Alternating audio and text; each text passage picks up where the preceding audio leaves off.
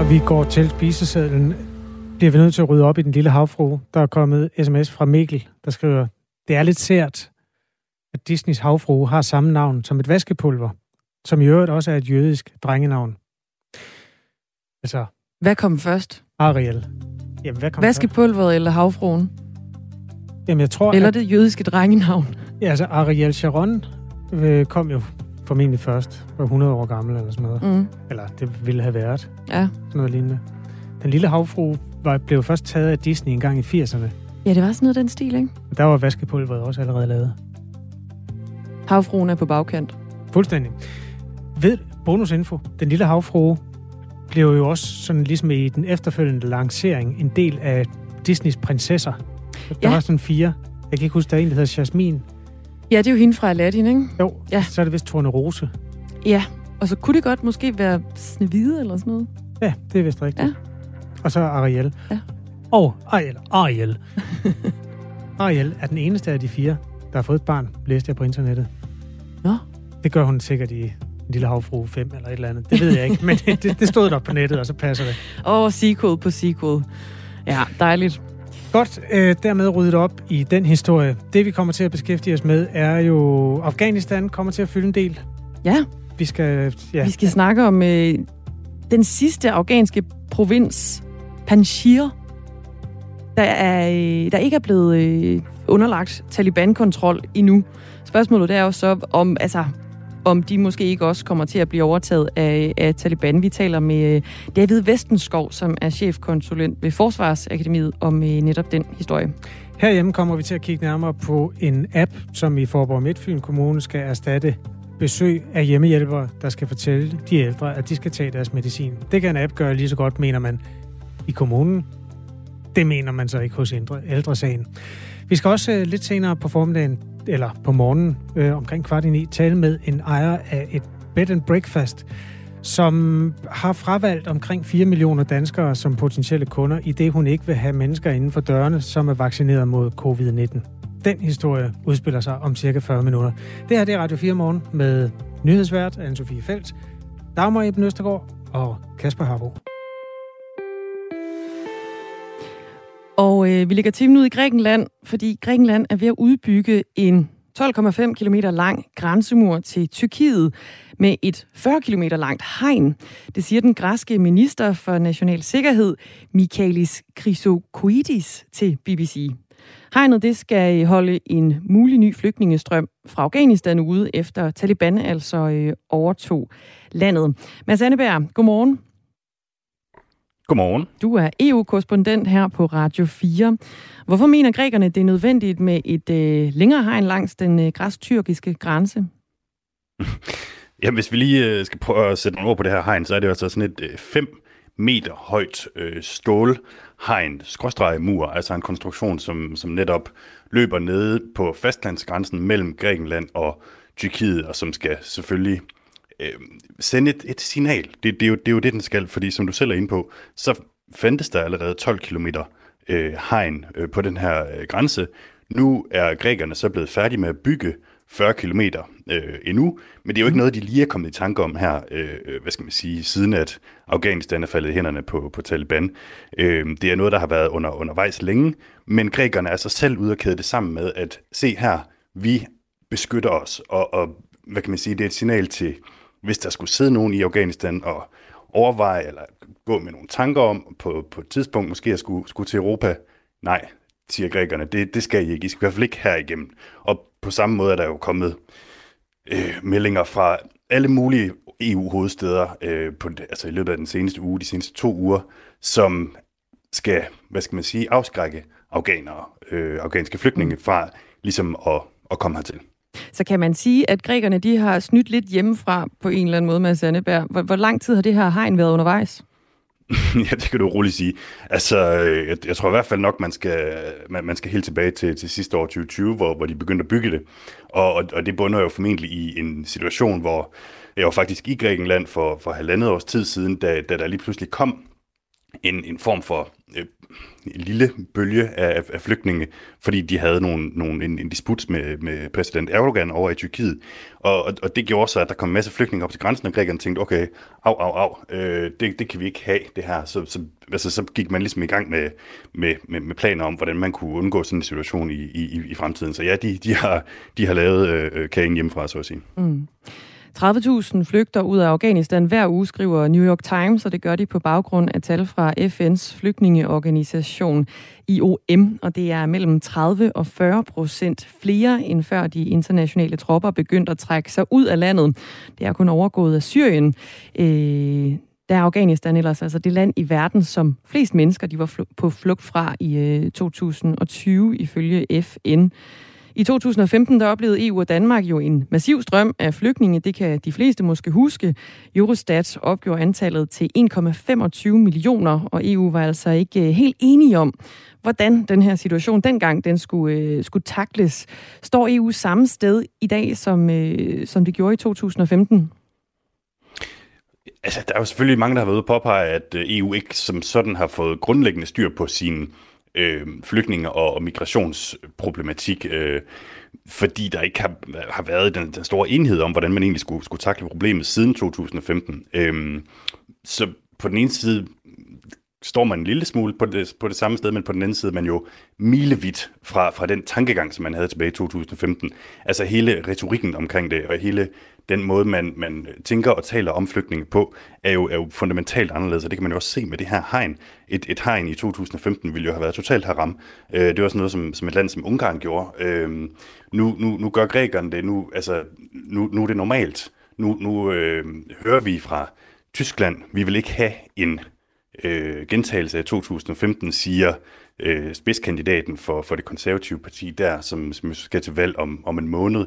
Øh, vi hører det samme fra, fra Frankrig. Så man kan sige, på den måde er EU jo et helt andet sted, hvor man simpelthen ikke vil tillade, at der kommer en, en gentagelse, hvis det så i øvrigt skulle være på vej. Det er der heller ikke rigtig noget, der som sådan konkret tyder på lige nu.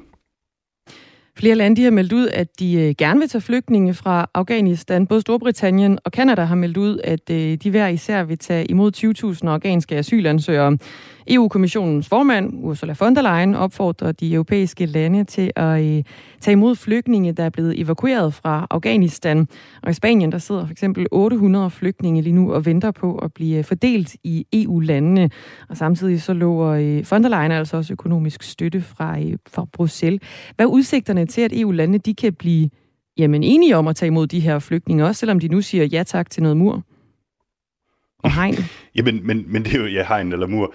Øh, men det er jo netop det, altså at, at øh, når, når man siger de her flygtninge, så skal man i hvert fald være meget påpasselig med, hvem er det? Fordi det, der skete i 2015, det var jo, at en, en helt vilkårlig gruppe af en hel masse mennesker, som altså over en million mennesker, kom øh, hertil, og, og, og, og en, en stor del af dem fik asyl.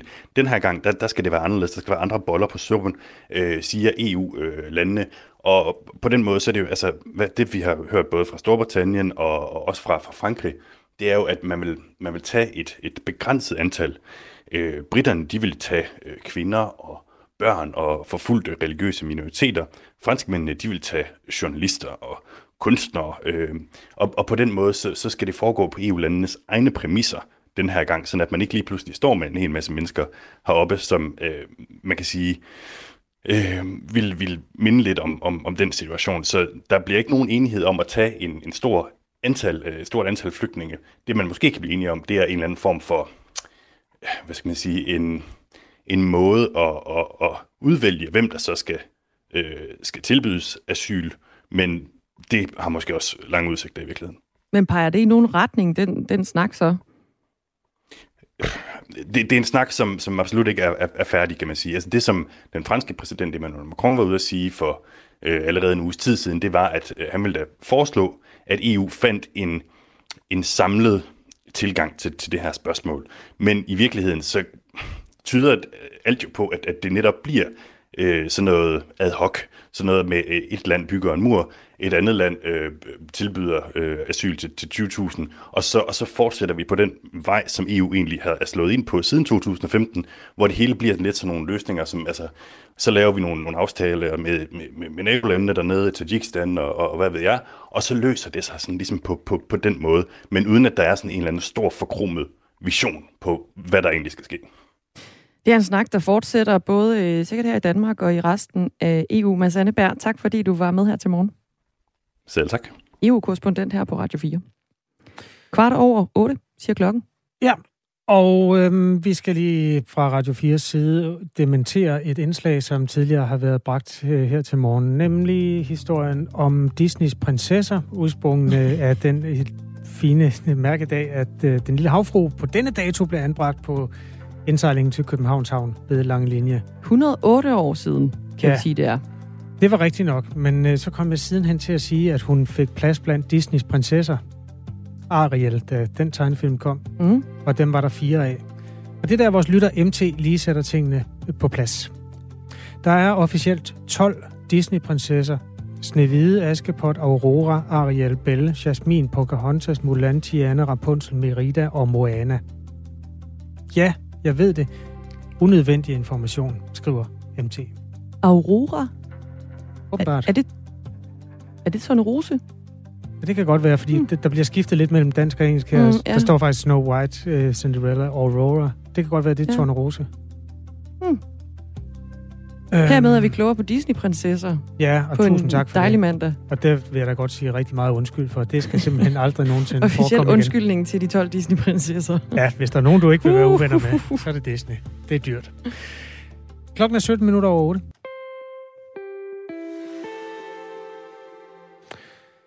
Vi skal tilbage til en diskussion, der i virkeligheden handler om varme hænder versus kolde apps. Ældre mennesker skal ikke længere have besøg af en hjemmehjælper, hvis de har brug for hjælp til at tage deres medicin. I stedet skal de have en app, der hjælper dem gennem deres mobiltelefon. Det er i hvert fald ordlyden i et spareforslag, der er kommet i Forborg Midtfyn Kommune, hvor man regner med at kunne spare 300.000 kroner på den måde. Forslaget er på bordet som en del af de kommende budgetforhandlinger. Tidligere på morgen talte vi med Herdis Hanghøj, der er formand for Sundheds- og Omsorgsudvalget i Forborg Midtfyn Kommune. Hun forklarede det sådan her. Jeg tror på, at, at flere og flere godt kan håndtere en smartphone og brugen af app. Visitator skal ud og vurdere hver enkelt borger, hvad vil være det rigtige i, i tilfælde med den her borger. Vil det være en app, eller vil det være, at personale fortsat kommer og hjælper med medicinen? Ja, det er jo et stykke lokalpolitik fra en kommune på Fyn, men det er også noget meget principielt, og den skal vi vende sammen med Per Tostenæs, der er seniorkonsulent i Ældresagen. Godmorgen. Godmorgen. Hvorfor kan I ikke lide ideen? Jamen altså, vi synes jo, at de her apps er, er en rigtig god løsning for folk, som er i stand til at bruge dem, øh, og det vil der være mange, der er, men der er også mange, der ikke er. Øh, og jeg synes, det er bekymrende at tro, at man kan spare så mange penge, som Forborg Midtfyn kommune lægger op til. Altså man skal jo huske på, at den, den typiske modtager hjælp er langt over 80 år, og er slet ikke vokset op i en verden med smartphones eller apps for den sags skyld. Så, så vi tror desværre, det er det begrænsede antal, der vil kunne bruge dem. I øjeblikket er der tale om 26 ældre borgere, der gerne vil være en del af ordningen, så frem det bliver mm. stemt igennem. Og det er jo altså mennesker, der får uden hjælp til deres medicin, kun får hjælp til rengøring. Så det er ikke sådan nogle ja. mennesker, der er så svære, at de skal hjælpes ud af sengen og sådan nogle ting. Øhm, og i forslaget der fremgår det altså, at de skal mindes om at tage deres medicin, enten ved at de får sms'er, der minder dem om, dem, om det, eller en app på smartphonen, eller i øvrigt øh, er der også en tredje mulighed, nemlig doseringsæsker med sådan nogle pillealarmer. Ja. Øhm, altså det er mennesker, der kan selv. Er det så ikke en god idé? Jo, Altså, der er, der er absolut ikke noget forkert i det, at det kan give større frihed i dagligdagen, øh, så man ikke skal sidde og vente på, at der kommer en, øh, en hjælper med at hjælpe med medicinen, så er det helt fint. Det vi øh, bekymrer os om, det er dem, som ikke kan klare sig, og måske bliver presset ud i en situation, hvor at de skal tage imod et tilbud, som de måske reelt set ikke kan bruge. Og for dem er det helt afgørende, at de kan få den medicin, de skal bruge i dagligdagen, og også for mange vedkommende, så skal man regne med, at det måske er den eneste kontakt, de har til, til omverdenen mange hjemmehjælpsmodtagere i dag øh, kan ikke komme ud fra egen øh, hjem uden hjælp fra andre, og det får de ikke. Øh, så man er mange, øh, som hjemmehjælpsmodtager mange gange isoleret i sit eget hjem, Og så er den eneste kontakt, man måske har i dagligdagen, det er vedkommende, der kommer og hjælper, eksempelvis med medicin. Hvis man fra kommunens side spørger, kunne du tænke dig at være en del af det her? Er det så at presse dem, synes du? Nej, jeg vil ikke sige, når man, man spørger øh, på den måde, men vi har bare mange gange set, når der er tale om de her sådan, indførelse af ny teknologi, så er det et, et forsøg på at øh, få flest muligt over. Og når man kan se, at øh, Forborg Midtfyn Kommune ønsker at spare 300.000 kroner på det, så er det jo et udtryk for, at der er rigtig mange mennesker, de ønsker at få over på ordningen. Og det er fint, hvis det er frivilligt, men øh, vi bekymrer os om dem, for hvem der måske bliver presset til at få den her løsning. Nu nævner du ensomhed som en mulig slagside ved, at man ikke for eksempel får besøg af, af hjælpere. Stoler du ikke på, at kommunen kan afhjælpe ensomhed på andre måder, gennem andre initiativer? Så jeg vil sige det på den måde, at øh, når vi ser på, hvor mange af hjemløsmodtagere, som er ensomme i dagligdagen, så kan vi i hvert fald i dag konstatere, at det kan kommunen ikke. Øh, og vi så jo gerne, at de gjorde en langt større indsats for at sikre sig mod øh, ensomhed blandt hjemløsmodtagere, men vi kan jo bare konstatere, at sådan er det ikke i dag. En lytter, der hører med her, har skrevet til os, ældresagen er jo ikke en upartisk kilde. De brokker sig altid, når der er forringelser for ældre. Men det offentlige pengekasse er ikke uendelig dyb. Man må tage ansvar for sit eget liv. Det handler også om at tage sin medicin, som vel ikke er en uoverskuelig opgave. Øh, der er flere påstande i den der Per Tostenes. Er det ikke rigtigt, at de råber højt, hver gang nogen skruer ned for øh, forbruget i forhold til ældre? Det er helt sikkert, og det vil vi også blive ved med at gøre, fordi der er tale om, at mennesker, som har brug for øh, hjælp til at tage sin medicin, og man skal regne med, at det her sådan er jo ofte mange typer forskellige medicin, som er oppe i årene. Det er fint nok at sige, at man skal tage ansvar for sit eget liv. Der er ikke nogen, der heller vil det. Øh, men, men der er bare tale om, at det kan være rigtig komplekst, og man kan være øh, måske lidt konfus osv. Man har brug for hjælpen til det, og det kan være helt afgørende. Det er livsafgørende for nogen at få den rigtige medicin på et rigtigt tidspunkt. Så det vil vi blive ved med at råbe op om. Besparelser er jo sjældent indført for at gøre tingene bedre, men for at få økonomien til at hænge bedre sammen. Den her kommune, Forborg Midtfyn, har brug for at spare nogle penge på området. Har du et bud på, hvordan de ellers kunne spare penge, altså spare, finde 300.000 i deres budget til de ældre? Nej, det må jeg sige, det er jo øh, altid et politisk spørgsmål at finde ud af, hvor man kan, øh, hvordan man kan få sit budget til at hænge sammen. Vi må bare blive ved med at råbe op, når der er øh, risiko for, at øh, ældre mennesker ikke får den hjælp, de har behov for. Er det ikke også en del af jeres funktion, når I nu er sådan en, en organisation, der bliver lyttet til, at overveje, hvordan enderne mødes bedst muligt i en verden, hvor der ikke er penge til at gøre alle glade altid? Jo, men altså, vi lever jo altid i en, i en situation, hvor ressourcerne er knappe, øh, og vi har også en forventning om, at politikerne er i stand til at prioritere på fornuftig vis. Det vi kan gøre fra vores side, det er, at vi kan sikre, at, øh, at være med til at sikre, at der er ordentlige vilkår for, for ældre i Danmark. Og så må vi jo også råbe op om, at der skal være tilstrækkelige ressourcer, og det kan du også tro, at vi fra ældresagens side, også over for Folketinget og over for regering, øh, både regeringen og Folketingets partier, gør opmærksom på, at det er nødvendigt. Risikoen ved at øh, øh, gå over til apps i stedet for et levende menneske, der hjælper de ældre med at tage deres medicin, er selvfølgelig, at de ældre ikke er nødvendigvis øh, totalt superbrugere på smartphones. Det findes der en forhistorie i, at, at de ikke er alle sammen i hvert fald. Men nogle af dem er jo gode til det. Hvordan kan du frygte, at, at det ikke virker efter hensigten? Jamen altså, for dem, der er gode til det, så er det absolut ikke noget problem, som jeg også sagde tidligere. Så Men det er jo dem, der melder sig, en, tænker jeg. Ja, og det er, man sige, for, for deres vedkommende, så er det fint. Øh, og hvis der er 26 i Forborg Midtfyn Kommune, som, kan, som er i stand til at bruge øh, en app, så synes vi, det er en rigtig god hjælp for dem i dagligdagen. Der er ikke noget problem i det. Godt. Øh, per Torstenes, jeg tror, vi er i mål her. Øh, tak fordi du var med. Jamen, velbekomme. Seniorkonsulent i ældresagen. Øh, sms'erne fra Radio 4 Morgens lyttere kunne for eksempel lyde som denne her, der er kommet fra Ina, som holder til i Valby, i den sydlige ende af København. Selvfølgelig skal man spare på de ældre, og hvor kan Forborg Kommune dog spare så meget på de få ældre, som har sig... Og undskyld. Og hvor kan Forborg Kommune dog spare meget på de få ældre, som har sagt ja til det moderne teknik? Lyder det altså fra Ina fra Valby, som bakker op. Ja, altså om de her 26 personer, som man så kan spare 300.000 kroner ved at få over på den her app. Jan fra Vejle han har skrevet, nu må Forborg Kommune ikke anvende Netcompany til at udvikle deres medicin-app, da besparelse på 300 kroner nok ikke kommer i hus. Eller 300.000. 300.000, ja.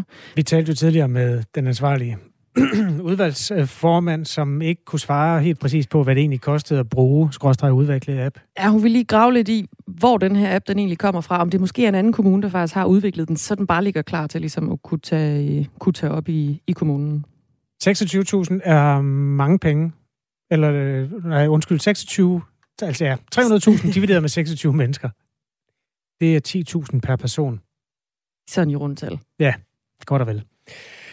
Som man altså forventer. Hvis det her det kommer igennem, når man senere på morgenen slår to streger, eller senere på året slår to streger under det kommunale budget. Det her det er jo i virkeligheden også bare øh, sådan en form for hejfinde, der viser sig, hvor man kan se, at nedenunder overfladen, der lurer der også noget, der hedder kommunalvalg. Lige rundt om hjørnet. Til november, der Ja. skal vi godt nok snakke meget kommunalpolitik, og hvordan man bruger øhm, pengene. På en måde er det jo en vanvittig idé at lave landsdækkende radio, og så dykke ned i hver enkelt af de 98 kommuner, fordi lige så snart du taler om det, der er relevant i den ene kommune, så kan du være sikker på, at det er irrelevant for 97 andre. Bortset fra, når det er så principielt, som det vi taler om her. Varme hænder versus kolde apps. Mm. Så kan man godt mærke, hvad man mener nogle gange. Det kan vores lytter i hvert fald. Det skal blive et godt efterår. Det bliver spændende med kommunalvalget. Okay. Lige nu er klokken 4 minutter i halv ni. Og vi skal tale en lille smule om dedikation lige her inden, inden nyhederne med, med Anne-Sophie Felt.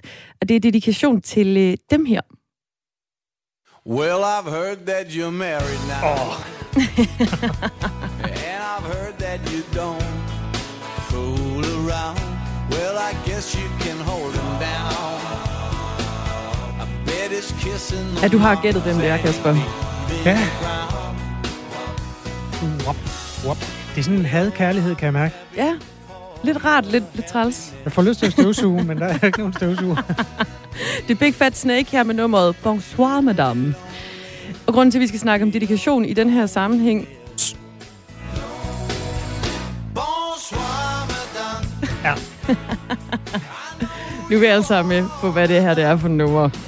Vi snakker om dedikationen her, fordi jeg faldt over en øh, artikel fra TV2 Østjylland, som øh, beskriver Lise og Kurt Madsen fra Horsens. Ja, tak. De er ligesom de mest dedikerede Big Fat Snake-fans i historien, vil jeg nærmest sige. I gennemsnit, der har øh, ægteparet været til en Big Fat Snake-koncert næsten hver anden uge de seneste 22 år. Ferie. Hver anden uge, det er 26 om året cirka. Gange 22 år, det er, det er omkring 500 gange. Det er 500 koncerter, sådan cirka, de har været til, fordelt over 22 år. Det er cirka 22 koncerter om året, melder artiklen. Eller en koncert hver 16. dag. Ja. Ja. Og det er altså hardcore dedikation. Hold da ferie. Jeg har sådan øh, rygproblemer, der kommer cirka hver anden uge eller sådan noget. Ja, det, Der vælger de så at gå til Big Fat Snake i stedet for. det ved jeg, ikke, jeg tror, jeg tror, jeg vil vælge Big Fat Snake-koncerten jeg så også, alligevel. Altså. Ja, helt. Og øh, man kan sige, moralen i sådan en historie her med øh, Lise og Kurt fra Horsens, der har været til Big Fat Snake-koncert 500 gange på 22 mm. år, Mm. det er, at dedikation jo også betaler sig. Hvorfor? Fordi når man er indet fan, så på et eller andet tidspunkt, så kan de jo godt se, hvem, hvem Lise og Kurt er.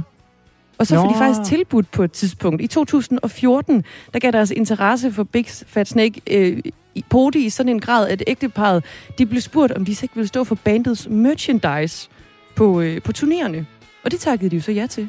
Det er da også meget nemmere. Ja. Så kan, får de plads i bussen, eller fik plads. Jeg går ikke ud fra, at de turnerer mere Big Fat Snake, eller Nej, i 2018, der sluttede det for Big Fat Snake. Øh, de brød op efter afskedsturnéen, der hed Au revoir, madame. Apropos Bonsoir, madame. Åh, det- mm. Så er man nået simpelthen så langt, når man begynder at citere sig selv på den måde. Ja. Så har man bedrevet noget her på kloden. Ja, hvis man har nogle fans, der er kommet til 500 af sine koncerter, så har man også bedrevet et eller andet. Men hvor er de i dag? Jamen, i dag der er de jo så opløst, og øh, Jamen, jeg tænker på Kurt og... når Kurt og Lise, øh, de øh, fortsætter vist med at arbejde med merchandise, nu assisterer de øh, forsangeren Anders Blikfeldt på Ja. hans soloturné.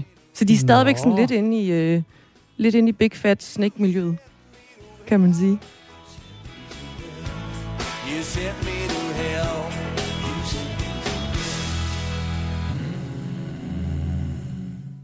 Det er meget meget svedigt nummer. Det er det altså. Ja, det er fedt nok.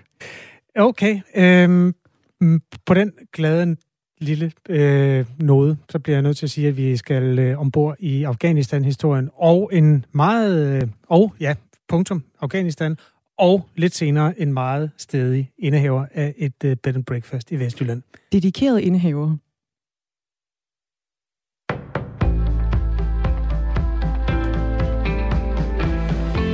Et dansk Hercules militærfly har sent i går aftes evakueret omkring 50 personer fra Afghanistans hovedstad Kabul. De evakuerede er primært fra Udenrigsministeriets danskerliste, det skriver Forsvarsministeriet på Twitter. Således har danske fly nu samlet evakueret mere end 650 personer, skriver forsvarsminister Trine Bremsen i opslaget. Den største udfordring i forhold til evakueringerne er at få folk frem til lufthavnen og ind i den. Taliban har sat kontrolposter op i Kabul, og i byens lufthavn er flere blevet dræbt i forbindelse med kaotiske scener, hvor afghanere desperat forsøger at komme med et fly ud af landet. Mange studerende bruger det meste af SU'en på husleje og andre boligudgifter. Det viser en undersøgelse lavet af Opinion for danske elever og studerendes kollegieråd, skriver Information. Og Henrik Møring fortæller mere. 42 procent af de adspurgte studerende havde i foråret 2021 månedlige boligudgifter på 5.000 kroner eller mere. Det svarer til det meste af SU'en, hvor man typisk får udbetalt 5.500 kroner efter skat. I kollegierådets tidligere boligundersøgelser fra 2009 var det knap 20 procent, der havde boligudgifter på 5.000 kroner eller mere, mens andelen i 2016 var vokset til 24 procent. Studiestøtten er ikke steget væsentligt i samme periode, men det beløb, som de studerende må tjene ved siden af SU'en, er hævet. Hans Thor Andersen, forskningsleder på Institut for Byggeri, By og Miljø på Aalborg Universitet, mener, at de studerende stigende boligudgifter er udtryk for, at efterspørgselen er langt større end udbuddet af små boliger. Louise Frost, formand for Danske Elever og Studerendes Kollegieråd, mener, at de studerendes huslejeudgifter er endnu et tegn på, at boligmarkedet er helt skævt. Men det siger også noget om, at SU'en bare ikke dækker de udgifter, de studerende har, siger hun til Information.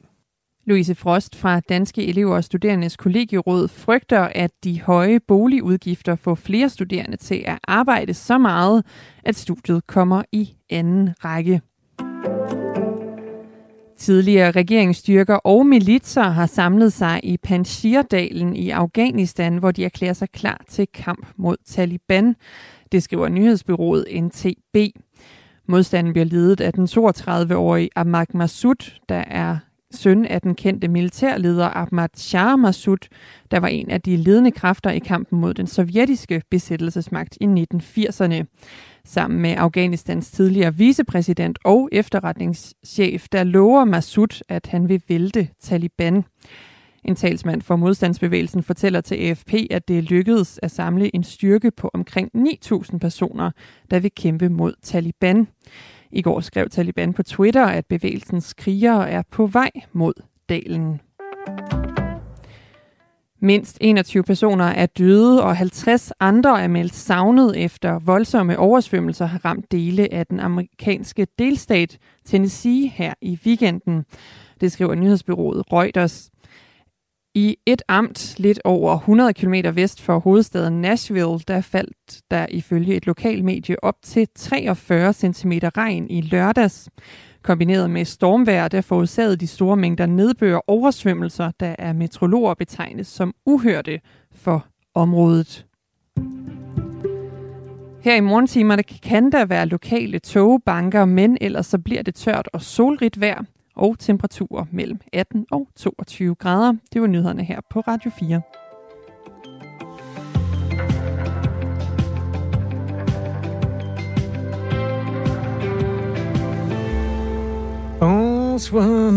Tusind tak, Dagmar. Nu kører den. Selv tak. Resten af dagen har du den for dit indre øre. Det her er Radio 4 morgen. Hvis du lige har stået på nu, så har du gjort dig selv en form for tjeneste. du kan høre um, programmet i øvrigt som podcast, der hvor du henter lyd på, ja, og det kan du med alle vores programmer. Blandt andet Radio 4 morgen. Vi laver tre timers aktualitetsradio til dig alle hverdage. Det gør vi nemlig. Det her det er øh, de sidste 25 minutter af dagens Radio 4 morgen, og vi øh, rykker videre til øh, Afghanistan. Hundredvis af talibankrigere, de øh, marcherede i går mod den afghanske provins Panjshir, der er den sidste provins i Afghanistan, som altså ikke er under Talibans kontrol. Ahmed Massoud, der er provinsens leder, giver dog ikke op uden modstand, og er så klar til at øh, forsvare provinsen her. Godmorgen, David Vestenskov. Godmorgen. Chefkonsulent ved Forsvarsakademiet. Hvor realistisk er det, at den her sidste provins ikke også bliver overtaget af Taliban? Øh, jeg, jeg tror sådan set, det er, det er forholdsvis realistisk, at, øh, at, at der kan mobiliseres en eller anden modstands, øh, modstandsbevægelse, modstandsgruppe. Øh, særligt øh, hvis man kigger på, hvem det er, der ligesom har sat sig i spidsen for det her øh, rent kommun, øh, kommunikativt. Øh, der er selvfølgelig Øh, det, vi skal selvfølgelig se indledningsvis, jamen, altså, hvor mange folk er det, som, som der har samlet sig her, der, deroppe, øh, og i hvor høj grad har de hvad kan man sige, deres, deres forsyninger på plads. Altså både, både det, de har til rådighed indledningsvis, men selvfølgelig også fremadrettet, øh, hvis det er en, en kamp, som vi vil opretholde over et stykke tid, jamen, øh, så, så vil de øh, også få brug for øh, ekstern støtte. Men igen, hvis man ser på, hvem det er, som leder øh, den her, øh, jamen så har du en, en tidligere vicepræsident og efterretningschef, der har haft en rigtig stor stemme øh, i forhold til hele sikkerhedssystemet og særligt hæren. Øh, så man kunne godt forestille sig, at, at han, har forberedt, han har gjort nogle forberedelser hen over øh, det seneste års tid til det her. Og så har du den her symbolske figur og og, ja, og nu, nu medlem af det tidligere afghanske parlament, øh, Ahmed øh, Massoud, og, og, og det altså dem til sammen er, er nok i hvert fald noget nær den, den bedste opskrift på en oprørsbevægelse lige nu. Så hvis der er et sted, der har en chance, så er det der. Ham, eh, Ahmed Massoud, der altså er Panjshir-provinsens leder, siger, at de ikke vil afgive kontrollen af provinsen til Taliban, og han styrker, de er klar til at kæmpe, lyder det også, og han håber, går nok stadigvæk på nogle, på nogle fredelige forhandlinger. Men skulle det her ende i, en, ende i en kamp med Taliban, hvad kræver det så af herren i forhold til den kamp? Ja, eller man kan sige, det der, det der er tilbage, det der er tilbage. af hæren. Og, og det kommer også an på, hvor meget de har fået samlet sammen. Øh, altså baseret på de udmeldinger, øh, så er det klart, at, at indledningsvis, så, så er vi nødt til at se, jamen, altså, hvor meget vægt er der bag de her ord. Øh, men hvis det er hvis det er gjort sådan, som, som jeg ligesom tror, det er, over, hvis man kigger over, over det seneste års tid, jamen så har vi nok den del af, øh, af den afghanske her, øh, som, er, som er allermest kampberedte. Øh, og så vil vi også have nogle af de her lidt mere veltrænede øh, specialoperationsstyrker. Øh, og hvis de først begynder at kæmpe, jamen, jamen, så bliver det her en meget stor hovedpine for Taliban. Hvis man ser på, hvordan de har taget de andre øh, større øh, provinshovedstader og de her og også de her militære installationer, jamen så er det jo sådan set uden kamp. Øh, hvis de først begynder at få modstand, og, og endda også kvalificeret modstand, jamen så er det noget, de bliver nødt til at, at prioritere, også militært. Øh, og, og så er det nok ikke nok bare at sende, øh, sende, sende 1000 eller 2000 krigere derned. Jamen, jamen, så vil det være et helt andet antal, vi skal op i. Og så igen, så kommer fortidens spøgelse også ind. Altså det her, det er jo den del af Afghanistan, som, de, som Taliban ikke fik styr på sidst, sidst netop fordi, at øh, Ahmed Shah Massoud holdt stand hele vejen gennem, gennem Taliban-regimet. Og det er jo selvfølgelig også noget med, det, med, med geografien at gøre. Altså, at det er et område, der er utrolig svært at overvåge, og det er et område, der er altså meget nemmere at forsvare øh, og lave oprørsoperationer øh, i, øh, end det er ligesom at være den her blivende synlige magt. Men er det realistisk, at Ahmed Massoud, øh, han, han rent faktisk kan stå imod endnu en gang mod Taliban? Jeg tror måske, vi mistede en forbindelse til David Vestenskov. Der er du igen, David. Ja, jeg er her. Nej, jeg er her. Nå, du er der stadig. Du faldt bare lige ud her i mine ja, hovedtelefoner. Ja, ja. Det er jo bare lige et spørgsmål øh, om, om det er realistisk, at, at, at, at han kan stå imod igen, Ahmed Massoud, altså ligesom han gjorde tilbage i, øh, i 90'erne, øh, og den her provins, som altså ikke blev overtaget af Taliban tilbage i 90'erne, da Taliban senest havde magten. Ja, hans, altså, hans far han holdt den øh, der. Øh, jamen, jeg, jeg tror bestemt, altså, som, som jeg sagde før, altså, hvis der er en, en bevægelse, en oprørsbevægelse, der, der har en, en chance, jamen, jamen, så er det konstellationen, særligt mellem Sale og Masud. Også fordi det er, særligt Sale er nok den person, der har haft øh, bedst kontrol med, øh, med, med, med den afghanske her, de afghanske sikkerhedsstyrker gennem, gennem de, de seneste år. Øh, så, og, og jeg vil også tro, at han har læst den her situation Øh, i hvert fald, i hvert fald sådan nogenlunde, så han har også forberedt sig øh, på det her. Så, så jeg tror, at, at meget afhænger af også, om de ligesom viser den her kampmoral, den her øh, kamp øh, kraft øh, og, og viser, at de, at de kan slå øh, Taliban tilbage, i hvert fald indledningsvis. Hvis de kan det, jamen, så vil de også tiltrække mange andre militser, og de vil også begynde øh, at tiltrække sig ekstern støtte fra øh, de aktører, som ikke synes, at det er verdens bedste idé, at der skal være en velsmurt øh, Taliban-maskine inde i Afghanistan. Panjshir-provinsen her, som vi, som vi snakker om, der altså er den sidste provins i Afghanistan, som ikke er under øh, Talibans kontrol, ligger omkring 100 km nordøst for Afghanistans hovedstad Kabul, og er altså en lille smule større end Fyn. Provinsen er hovedsædet for den nordlige alliance i Afghanistan, der er imod Taliban, og øh, som også altid har, øh, har været det. Men er det det værd at kæmpe for at bevare Panjshir-provinsen eller er slaget egentlig tabt, når resten af Afghanistan jo egentlig er under Taliban-kontrol, David Vestenskov? Øh, jeg tror bestemt, den er værd at kæmpe for, øh, og, og man skal også se, hvad er det for nogle, øh, hvad er det for, for nogle folk igen, som, som den her militsoprørsbevægelse ger, altså, gerne skulle blive sammensat af.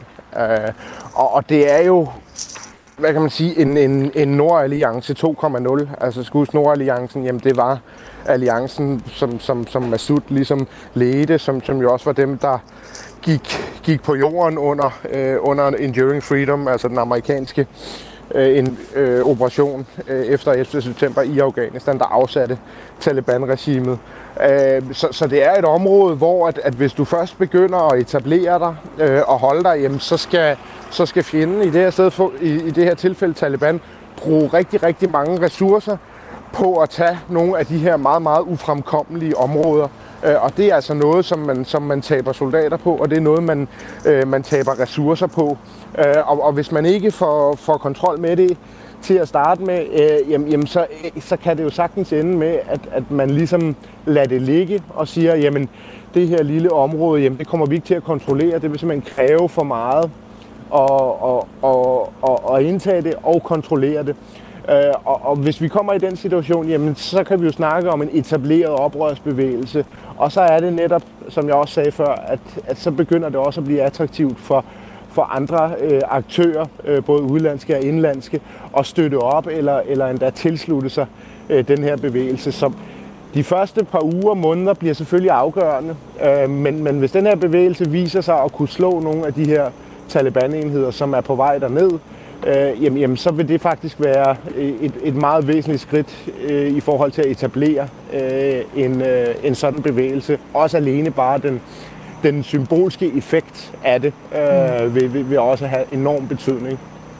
Men det, når man sidder og kigger på, på et kort over Afghanistan lige nu, og alle de her øh, mange hundrede provinser, øh, som, som jo gradvis er blevet farvet i forhold til, hvornår Taliban er gået ind og har, har taget magten, så er det ret svært at forestille sig, hvordan den her ene provins indmidt i, i Afghanistan ikke kan blive overtaget af, af Taliban.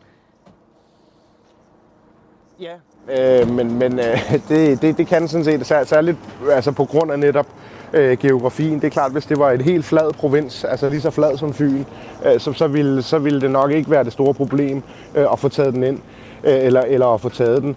Øh, men, men det er altså et, et rigtig ufremkommeligt område, og, og hvis, hvis forberedelserne er blevet gjort hen over det seneste år øh, eller to i forhold til etableringen af det her, det vil sige, at man har nogle, nogle våbenlager derude, øh, man har ligesom opbygget nogle, øh, nogle baser, øh, jamen, men så, så, så, så, så kan det her altså sådan set godt lade sig gøre. Altså kan det godt blive sådan en lomme, der, der ligesom kan, kan forsvare sig.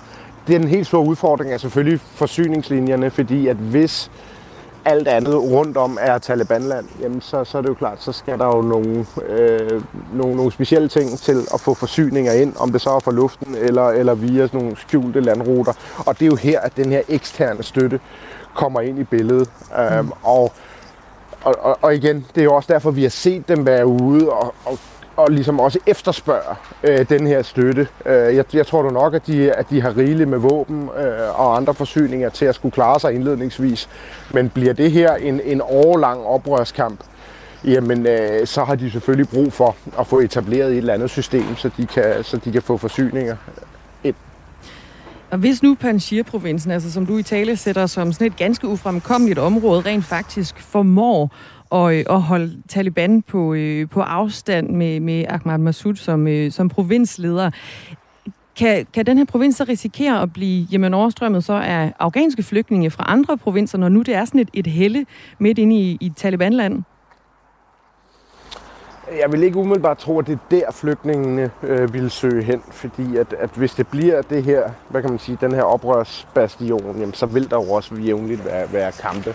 Øh, og særligt i hvad kan man sige, områderne, øh, som, som, som, der, som der løber op til. Øh, så, så, så jeg tror nok ikke, at det, det vil blive sådan en magnet for flygtninge. Det, det, det kan blive en magnet for, det er jo selvfølgelig øh, nogle af de her 100.000 vis af arbejdsløse soldater, øh, og så også øh, nogle af de her forskellige militsgrupper, der, der måske har hørt under Taliban, men som ikke rigtig har udsigt til at, at få hvad kan man sige, en eller anden speciel rolle i, i, i det nye system, øh, og, eller måske ikke kan få penge. Øh, der, der kan det selvfølgelig blive, blive en magnet, særligt hvis der kommer den her støtte udefra, øh, hvor, hvor der også kan flyde, flyde penge ind til det her, til det her øh, projekt. Men, men så er det jo også klart, ser man på det sådan overordnet, jamen så kan det jo også være med til at stimulere, øh, hvad kan man sige, andre bevægelser, øh, der popper op rundt omkring. Øh, og, og, og det kan også være flere fronter, der ligesom bliver, bliver, bliver etableret rundt omkring. Og, og, og så er det, at, at vi bevæger os ind mod det her, det her borgerkrigsscenarie. Øhm, og det, det, det, det tror jeg sådan set er, øh, er relativt øh, sandsynligt. Øh, jeg, jeg tror sådan set ikke, at vi skal regne med, at det kun bliver Taliban mod, mod, mod den her Nordalliance. Øhm, men det, at den her Nordalliance kan, hvis de kan få Taliban til at fremstå øh, svag og svækket, jamen så er det, at, at, øh, at det kan være en drivkraft for, øh, for, for den her borgerkrig, som, som, som jeg jo tror er på vej. Men kan modstand i en enkelt provins godt få Taliban til at fremstå svag? De har overtaget alle de andre provinser. Ja, netop. Øh, og, og, og det er jo det, at øh, det er jo den, den her historiefortælling med, at de har, at de har fået taget det hele øh, så let og så hurtigt. Øh, der er store udfordring nu, det er ligesom at finde ud af, jamen, hvad, hvad skal det politiske projekt være? Øh, hvis de så samtidig med, at, at, de, at de prøver at finde ud af, hvad, hvad, hvad skal det her projekt være, øh, ikke kan forstyrre med hele Afghanistan, øh, Øh, jamen, øh, så, så, så vil de få, hvad kan man sige, både sådan et, et symbolsk første nederlag, også selvom det, det er gået så hurtigt indtil nu, jamen så er det jo ligesom baren, det er jo ligesom standarden nu for, øh, for, for, for deres fremdrift. Det er jo næsten, at de beslutter sig for noget, og så tager de det. Øh, så, så, så, så det, vil være, øh, det, vil, det vil være et setback for dem, hvis de ikke kan det. Og så igen, der vil nok også være vidt forskellige holdninger inden i Taliban-bevægelsen om, jamen, hvordan skal det her øh, bekæmpes? Altså, hvordan skal vi håndtere den her oprørsbevægelse? Altså, der er nogen, der vil, der vil sende alle øh, soldater til rådighed ind øh, og få styr på det, fordi at, øh, at de bøvlede med det her i sidst gennem, gennem en femårig periode. Og så vil der være andre mere moderate, der tænker, jamen skal vi ikke bare lade dem, lade dem være, og så koncentrere os om at måske afskære nogle af de her forsyningslinjer, øh, så få talt med nogle af de her forskellige lande, der ligger rundt omkring de internationale, øh, det internationale samfund, med henblik på at få lavet nogle aftaler der, fordi at, at så kan det her oprør måske ikke gøre så meget. Mm. Fordi den her oprørsbevægelse, for at den kan blive slagkraftig, jamen øh, så forudsætter det jo, at den kommer i kamp. David Vestenskov, tak for ordene. Selv tak chefkonsulent ved Forsvarsakademiet, med et par ord om øh, den her sidste afghanske provins, der hedder Panjshir, som er altså den sidste provins, der øh, stadigvæk ikke er øh, under Talibans kontrol i Afghanistan. Du lytter til Radio 4 morgen. Klokken den er 11 minutter i 9. Det er sådan en interessant historie på mange tusind måder, vi faldt over, da vi læste øh, Jyske Vestkystens møde med Mianne. Jyske Vestkysten har øhm, talt med ejeren af Byllerup Borg. Bed and Breakfast. De fire B'er. Mm. øh, det ligger i nærheden af Åben Rå, altså i Sønderjylland, hvor øhm, hun simpelthen ikke vil have mennesker inden for dørene, som er vaccineret. Mianne Søndergaard, hun er indehaver og øhm, har sådan nogle videnskabelige anskuelser, der gør, at hun simpelthen ikke vil have de mennesker, der er vaccineret mod covid-19 inden for dørene. Det er spændende. Mianne Søndergaard, godmorgen. Godmorgen. Øhm, jeg laver lige en disclaimer til at starte med, fordi vi skal ikke alt for langt ned af de videnskabelige veje, fordi der, der kan vi risikere vi at grave os ned i nogle fakta, som ikke er efterprøvet, hverken på den ene eller den anden side. Men selvfølgelig helt grundlæggende, hvad er det, du har imod øh, mennesker, der er vaccineret? Jamen, øh, jeg har egentlig ikke noget imod mennesker, der er vaccineret, men når, når det i min verden ikke er en vaccine, at det, det, det er noget, der går ind og, og, og gør noget, som kan overføres til andre, der ikke har taget øh, de her såkaldte vacciner. Og, og så vil jeg lade tvivlen komme mig til gode, øh, og ikke udsættes for det, fordi jeg har helbredsproblemer. Øh, og mit bed breakfast er et privat hjem, hvor det er svært at holde afstand, og, og, øh, og man deler badeværelse, køkken og, og ting og sager. Øhm, og, og altså både det, at, at jeg, jeg er bange for, at jeg kan øh, blive påvirket af øh, det, som de udskiller, som, jeg, som hedder spikeproteiner. Mm. Og så plus, at hvis jeg skal øh, opfylde alle de der ekstra rengøringskrav med midler, som ikke er godt for mig heller, øh, gør, at, at så må jeg hellere øh, lade være, og så vente og se, hvad fremtiden bringer, og om, om det er sandt eller ej. Øh, men jeg tror på, at det, jeg hører fra de kilder, jeg lytter til, øh, er rigtigt, fordi jeg også har mødt rigtig mange, som øh, hvad det hedder, både har familier og folk, de kender, og ja. øh, i grupper med, med, med bivirkninger, ting og sager, at, at selvom man ikke har fået sprøjten, kan man stadigvæk godt få nogle af de bivirkninger, så, som dem, der har fået sprøjten, også har fået. Janne Søndergaard, jeg afbryder dig lige for at få ja. en, et sådan principielt ting på, på plads. Hvordan kan det være, at du stoler mere på ting, du læser i fora på internettet, i stedet for at lytte til de fineste eksperter, der er, sådan, står i spidsen for Sundhedsstyrelsen eller nogle af universitetshospitalerne her i Danmark? Jamen, altså, jeg, jeg, jeg lytter øh, også til, til eksperter, men jeg lytter til for eksempel dem, der hedder World Freedom Alliance, uh, Doctors, uh, Doctors Alliance. Det er en, en sammenslutning af læger fra hele verden, som ligesom er kørt ud på et sidespor, fordi de ikke snakker det, som dem du hører på snakker om. Og det samme øh, Kim Warming, Claus Hanke, øh, Carsten Magn Hansen, der normalt kommer i radioen, øh, øh, dem lytter jeg til. Jeg lytter ikke til de læger, der er betalt af den medicinalindustri, der tjener penge på at lave de her sprøjter. Sundhedsstyrelsen er jo finansieret af skattemidler i Danmark, øh, og dermed en uafhængig instans. Hvorfor øh, stoler du ikke på dem? Øh, jamen, øh, nu har jeg sådan tid rodet lidt på min computer og fundet et dokument fra Sundhedsministeriet øh, den 26. januar, hvor de har fået 48,5 millioner øh, til, fra Finansudvalget til at lave øh, alt muligt øh, forsøg med det her. Og jeg tror, vi kører menneskeforsøg. Det, okay. det, det er ikke forsøg på dyr. Ved du hvad? Det er et meget interessant felt, og det er der, hvor jeg tænker, hvis vi graver os ned i den, så kommer vi aldrig op igen, fordi vi har kun syv minutter. Jeg bliver nødt til at spørge dig så, øhm, nu driver du business og siger nej tak til 4 millioner af de mennesker, der bor i Danmark, øhm, ja. fordi du vil ikke have de vaccinerede mennesker inden for døren. Hvordan går det lige sådan øh, økonomisk med din bed and breakfast? Jamen, øh, øh, både godt og skidt. For sidste år sagde jeg nu, vi har hus til salg, jeg gider ikke have en sæson mere, og ja tak, det har jeg fået. man skal passe på med, hvad man beder om. Øh, og, og jeg plejer at køre 70.000 ind i juli og 50 i august, og ja, men altså, det, det, øh, det, det fylder ikke ret meget i lommen på min punkt. Altså, det er så få, jeg har, men dem, jeg har, er også folk, der ikke øh, ønsker at, at udsætte sig for det, hvad vi øh, tror øh, kan ske. Øh, og så længe vi ikke øh, rigtig ved, øh, når de her, inden de her studier er færdige, så, så vil vi bare passe på os selv. Mm. Og, og, og der er altså også mange, der er glade for at, at, at kan komme steder, hvor det ikke er. Men, men altså, det kan være, det sker nu, at øh, med alt det her forhold op, hvor jeg lige, hvor jeg godt nok kommer i diverse ting og sager, BT og, og Jysk og hvad ved jeg, ikke også? Så, det så øh, ja, ja. Øhm, hvordan reagerer dine omgivelser på, at du tager den her position, som jo er, altså, hvad skal man sige, markant? Og ja, dine venner? Jamen, jeg har, jeg har mistet, hvis man skal sige sådan, rigtig øh, mange både familiemedlemmer og venner, fordi jeg øh, deler øh, virkelig meget med dem, og det er de rigtig træt af. Men øh, jeg siger, den dag jeg ikke deler de ting med og advare og, og for at få dem til at undgå især mine to yngste sønner, det er den dag, jeg ikke elsker jer mere, og det kommer ikke til at ske.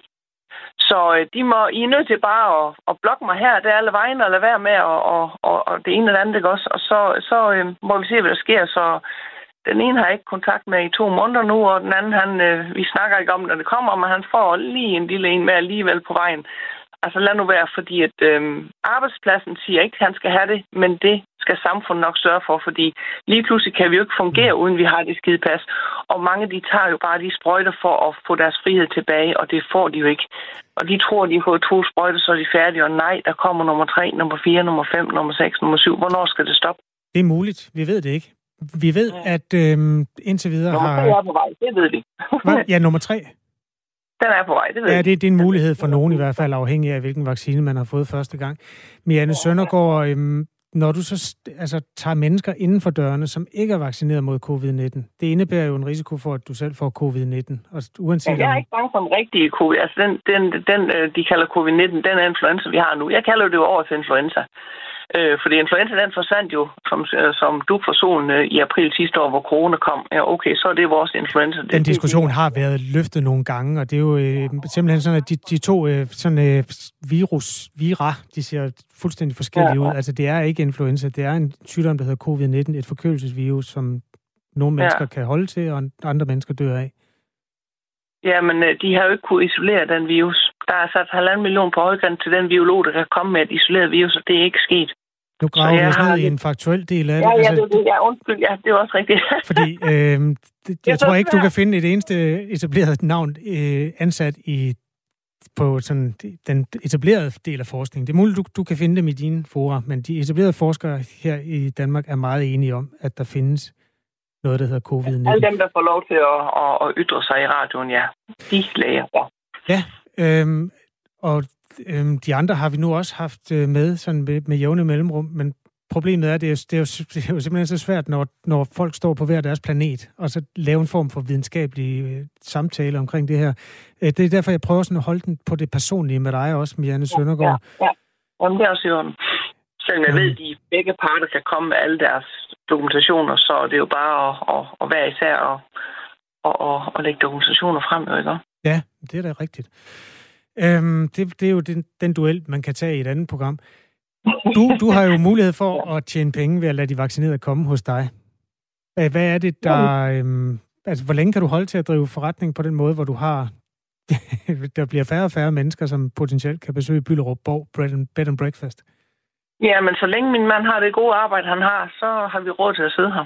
Så, øh, øh, og vi har jo ejendommen til salg, men øh, måske kan vi lave bofællesskab i stedet for. Altså, man behøver ikke have and breakfast. Øhm, så, og det, det orker jeg faktisk. Jeg har kørt det alt for hårdt op. Folk er alt for glade for at komme her, så jeg har jo alt for travlt. Det er fra tidlig morgen til kl. 2 om natten, når jeg har højsæson. Øhm, så jeg har jo haft ferie i lang tid nu.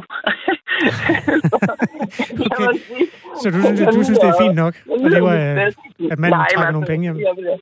Nej, men selvfølgelig vil jeg da gerne altså, øh, have nogle gæster i mit, mit øh, Better Breakfast, men altså, øh, øh, vi har jo haft det salg i fem år, så, og så Okay. vi vil jo egentlig gerne have en outcamp ud at rejse, og ned vores søn i Australien, og der er ingenting, der kan lade sig gøre lige nu, så hvor, hvor skulle jeg rejse hen? Øh, så jeg kan jo lige så godt blive her, hvor jeg har det godt.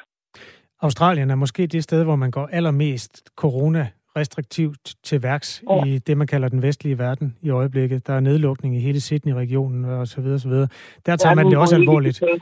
Hvordan Ja. tror du egentlig, øhm, dit syn på tingene vil klare sig, når, når du sådan tager på jordomrejse? Altså, der er jo ikke ret mange steder, du kan komme ind, hvis du ikke er Nej, vaccineret. det er derfor, så, så skal jeg ingen steder. Og vores ældste søn, der bliver 30 øh, næste år til februar, ham og os, vi er øh, forberedt på, at vi ikke kommer til at se hinanden mere. Øh, han har boet dernede i ni år, set ham to gange. Fordi der er ikke, han vil ikke have hverken masks, øh, test eller sprøjter, det vil vi heller ikke. Jeg har aldrig taget en influenzavaccine, og jeg har ikke brug for den, jeg har et immunforsvar. Så det kommer ikke til at ske. Tænker du nogensinde hvis på, det her er vores lytter Jens, han er bekymret for dig, Janne Søndergaard, han skriver, tænker du nogensinde på risikoen for, at du måske tager fejl? Øh, nej, jeg, er ikke bange for corona. Jeg er ikke, jeg er ikke bange for øh, in- influenza og de ting. Jeg, jeg sørger for et godt immunforsvar. Jeg har jo øh, helt, øh, haft folk i mit hjem øh, lige indtil øh, altså efteråret, hvor, øh, hvor, det, hvor, det var, øh, hvor det går ned sådan helt per automatik, ikke også? Mm. Øh, og jeg har ikke fået nogen, men min mand han er hver eneste dag i en lastbil og, og flytter biler, og, og han, har, han gør heller ikke alt det der, hvor man har sagt, at han kommer heller ikke til at forlange det. Så vi er i kontakt med folk konstant, og vi er aldrig blevet smittet. Jeg er ikke bange for at blive syg, for det okay. jeg passer på mig selv. Janne Søndergaard, der er nyheder her på radioen om 25 sekunder, ja. så det bliver sådan et ja-nej-spørgsmål, jeg slutter med nu. Kom, ja. Kommer du nogensinde til at hænge ud med mennesker, der har fået vaccinen? Altså kommer sådan en som mig, for eksempel? Ja, jamen, jeg kommer ikke. Øh, jeg kommer ikke at give hånd, og, og alt for her i mit Better Breakfast, der stikker jeg hånden frem og siger goddag til folk, og det kan jeg ikke, hvis de har fået sprøjten. Okay. Jamen, så var det ja. godt, vi kunne hilse på hinanden, på hinanden her over telefonen. Tak, ja, fordi ja, du var med. Jamen, altså, jeg er jo i butikker, de er alle vejen jo ikke også, så det, der, der er jo ikke øh, en vej udenom, men altså, jeg kommer bare ikke for tæt på. Det er ja, mig, der holder afstand nu, ikke for det Mette, hun siger det. Tak, fordi du var med. God dag. Jamen, selv tak. Hej. Hej. Janne Søndergaard er indehaver af Byllerup Borg Bed and Breakfast. Og det blev det sidste, vi øh, hørte fra her på øh, i Radio 4 morgen. Den her mandag morgen, vi er tilbage igen i morgen klokken øh, 6.00.